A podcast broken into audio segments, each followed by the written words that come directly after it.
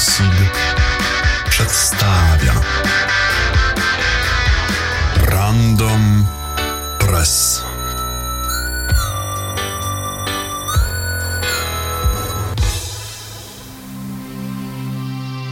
Lepiej w piersi wcierać zboże, niż mieć azyl w Ekwadorze.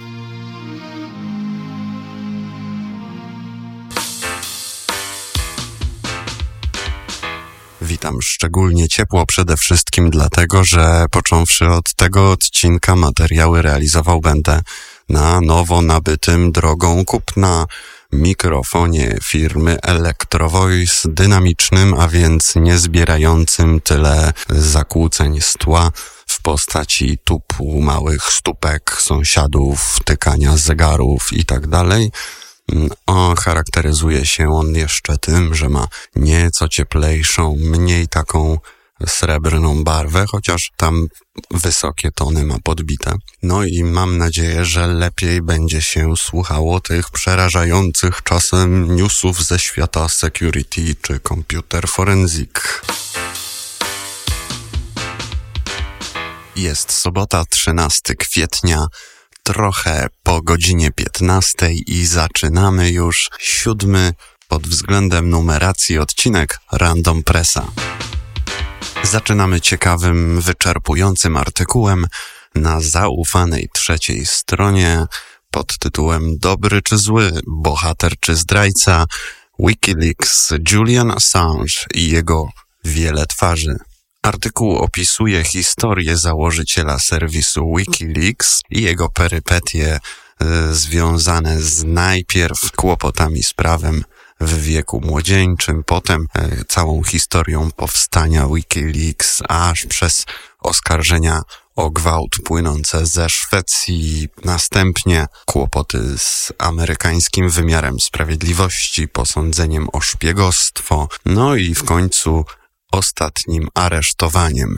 W materiale znajdziemy fajną dekompozycję y, tej sałatki informacyjnej, z którą mamy do czynienia w różnorakich mediach, gdzie przedstawia się Assange'a jako z jednej strony wojownika o wolność wypowiedzi i dostępu do informacji, z drugiej strony przebiegłego, nadętego bufona, który lubi, kiedy o nim piszą. Clickbaitowy i nieco krzykliwy nagłówek w BBC News. Call to delay use of police Scotland data devices.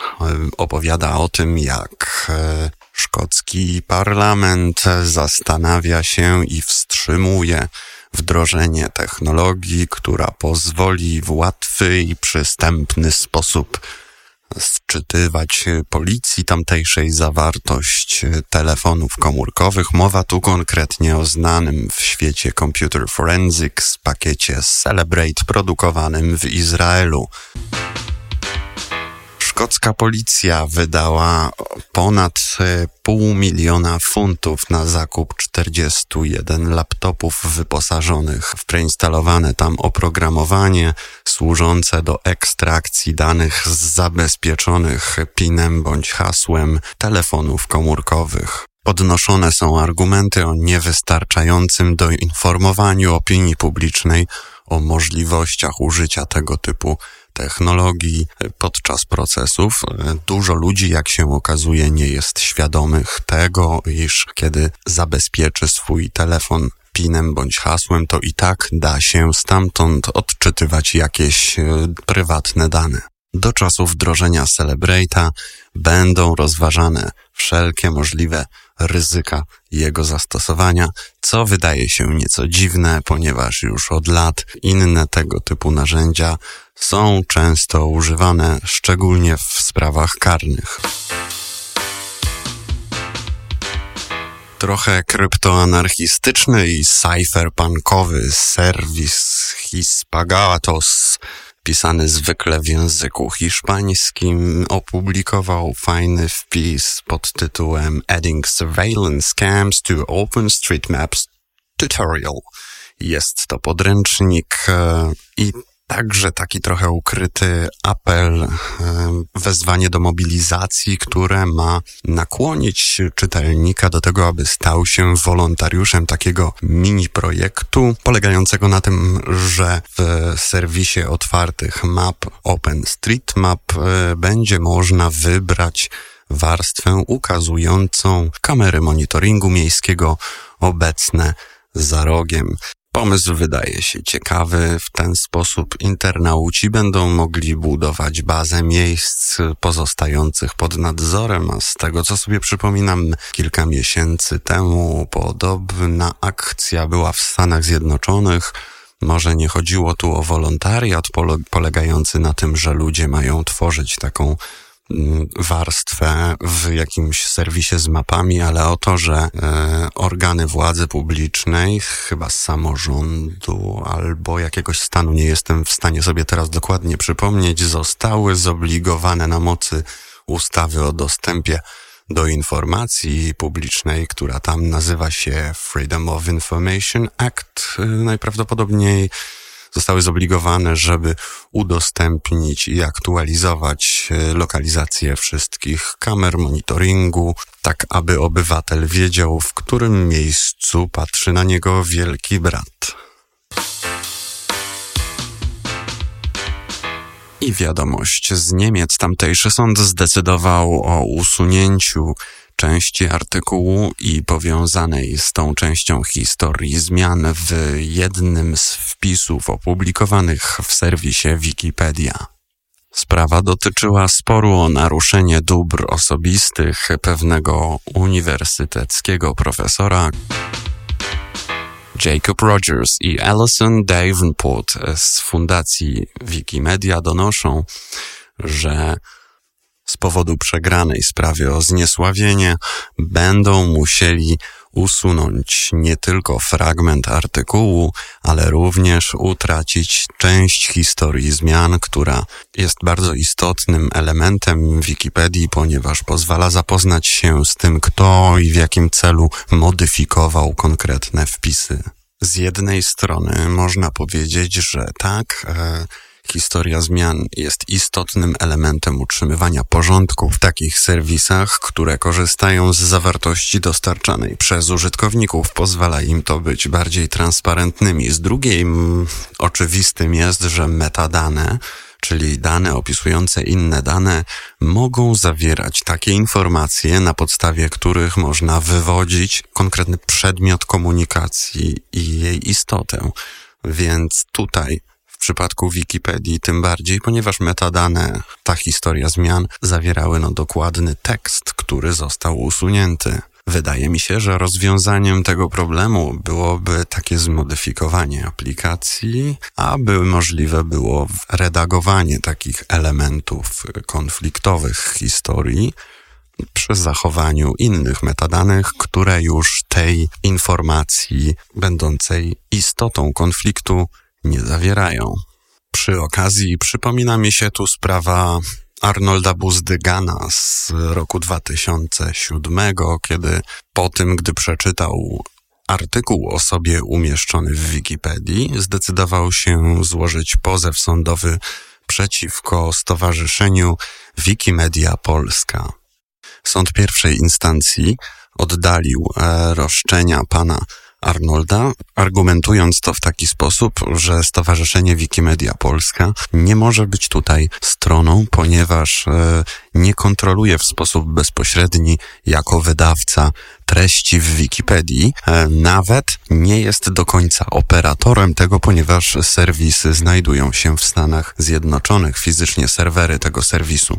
Pan Arnold nie zgodził się z takim uzasadnieniem, dlatego potem była apelacja, w której argumentował on, iż y, co prawda Stowarzyszenie Wikimedia Polska nie posiada na własność y, serwisu Wikipedia, natomiast przedstawiciele tego stowarzyszenia mają administracyjny poziom dostępu do polskojęzycznej Wikipedii, a więc mogą, jeśli tylko by chcieli, dokonywać modyfikacji e, i, i zakładać odpowiednie blokady przed dalszymi modyfikacjami wskazywanych treści. I takie moje dwie wątpliwości, przemyślenia, które się przy okazji wtedy pojawiły i wciąż szukam na nie odpowiedzi, to po pierwsze, co z prawem do ochrony dóbr osobistych, abstrahując już od tego, kto rzeczywiście miał rację w tym konkretnym sporze, czy doszło do naruszenia, mm, skończyła się historia na tym, że wskazano, kto nie ponosi odpowiedzialności. Ale w takim razie, czy oznacza to, że jeżeli założymy w sieci jakiś serwis, w którym każdy może umieszczać zawartość i ta zawartość będzie naruszała czyjeś prawa, w szczególności dobra osobiste, to czy oznacza to, że osoba ta traci e, możliwość wysuwania roszczeń, ochrony, dochodzenia sprawiedliwości, ponieważ serwis jest demokratyczny, otwarty, wolny i tworzony przez społeczność. Czy jest tak, że jeżeli społeczność metodą głosowania, co było w tej sprawie podnoszone przez biegłego, y, był opisany mechanizm, w jaki sposób usuwa się zawartości niektórych artykułów, że w Wikipedii mamy do czynienia z demokratycznym głosowaniem. Czy to oznacza, że w takim przypadku e, ktoś, kto, kogo dobra zostałyby naruszone, nie ma prawa do sądu, tylko anonimowi lub pseudonimowi wolontariusze będą dokonywali głosowania i na tej podstawie wydawali werdykt, czy doszło do naruszenia, czy do naruszenia nie doszło, a jeżeli ktoś się z tym nie zgadza, to nie.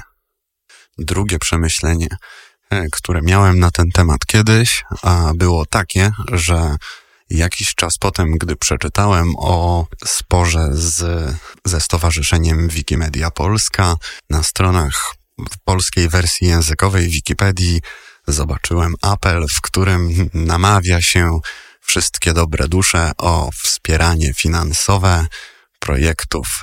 I wydawało mi się to trochę dziecinne, że z jednej strony stowarzyszenie twierdzi, umywa ręce, mówi, że odpowiedzialność za to, co znajduje się na stronach. To nie ono, ale jeżeli już przychodzi do y, fundraisingu, to jak najbardziej zapraszamy i prosimy nas wspierać. Myślę, że jest to problem z odpowiedzialnością i pewnego rodzaju przejrzystością, jeśli chodzi o tego typu usługi w sieci.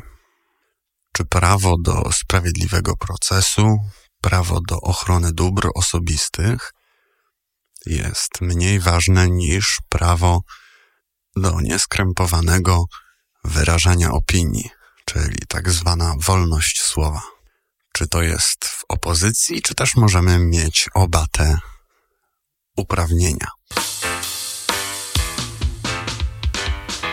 Grupa rozczarowanych pracowników Amazona zwierzyła się agencji Bloomberg, że tysiące osób na całym świecie słucha nagrań głosowych takiego pomocnika zwanego Alexa. Alexa czarna skrzynka, którą możemy postawić w domu. Ona reaguje na nasz głos, może włączać i wyłączać niektóre urządzenia, odtwarzać muzykę i tak dalej. E, okazuje się, że aby usprawnić jej działanie, zatrudniani są ludzie, którzy zatrudnią się przepisywaniem napływających komend i innych e, tam dźwięków i spisywaniem z tego takich, tworzeniem takich transkrypcji. Trudniący się tym procesem pracownicy funkcjonują w systemie zmianowym. Jedna zmiana trwa 9 godzin, e, podczas której przesłuchiwane jest około tysiąca nagrań, z których około 100 to są przypadkowe dźwięki, czasami zawierające prywatne rozmowy i szczegóły dotyczące no, takich elementów życia, którymi domownicy raczej nie chcieliby się, gdyby mieli tego świadomość, dzielić z innymi.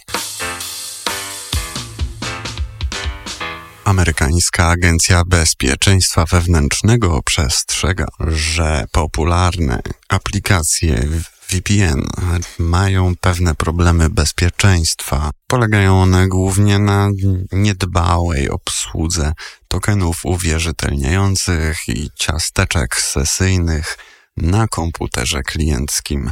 Podatne na zagrożenia. Aplikacje tworzone są przez czterech wiodących producentów Cisco, Palo Alto Networks, Pulse Secure i F5 Networks. I na koniec krótka informacja dotycząca nowego wydania Clojure. E, w Clojure Dev changelogu znajdziemy informacje o wersji 1.10.1 beta 2 z 11 kwietnia bieżącego roku.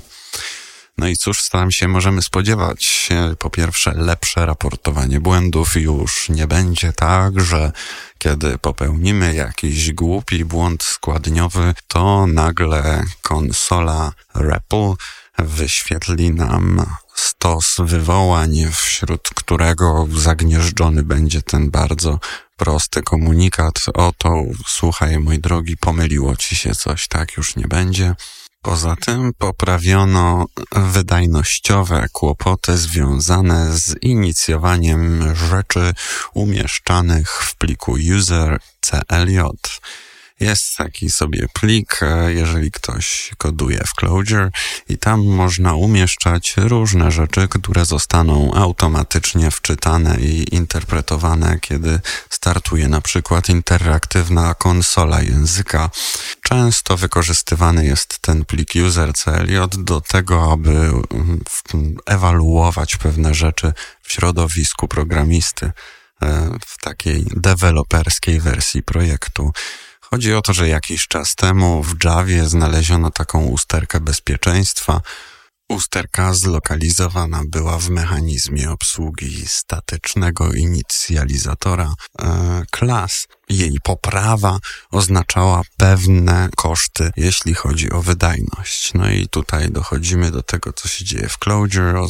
We wcześniejszych wydaniach było tak, że e, te rzeczy wczytywane z user CLJ były właśnie w takim kontekście realizowane, więc cierpiały z powodu e, ochrony pewnej. Teraz w nowej wersji e, obsługa ewaluacji rzeczy wrzucanych do UserCLJ została wydzielona z, poza zasięg statycznego inicjalizatora RT i będzie już szybciej. życząc miłej soboty i niedzieli żegnam się i zapowiadam, że już niedługo będzie można na stronach serwisu Random Seed przeczytać kolejny odcinek poświęcony systemowi kontroli wersji Git. Tym razem taki praktyczny, grupujący najczęściej wydawane polecenia Gita, mm, obsługę historii, zmian, cofania itd., tak itd. Zapraszam i do usłyszenia, mam nadzieję, za tydzień.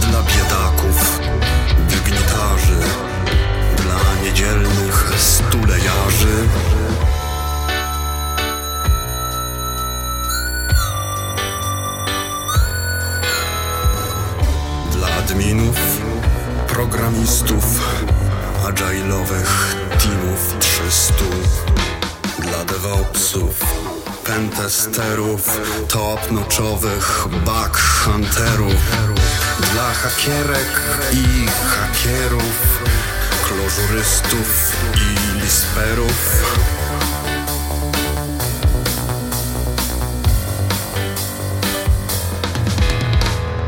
Dla ćwiczących gdzieś dla masy, randomowy przegląd prasy.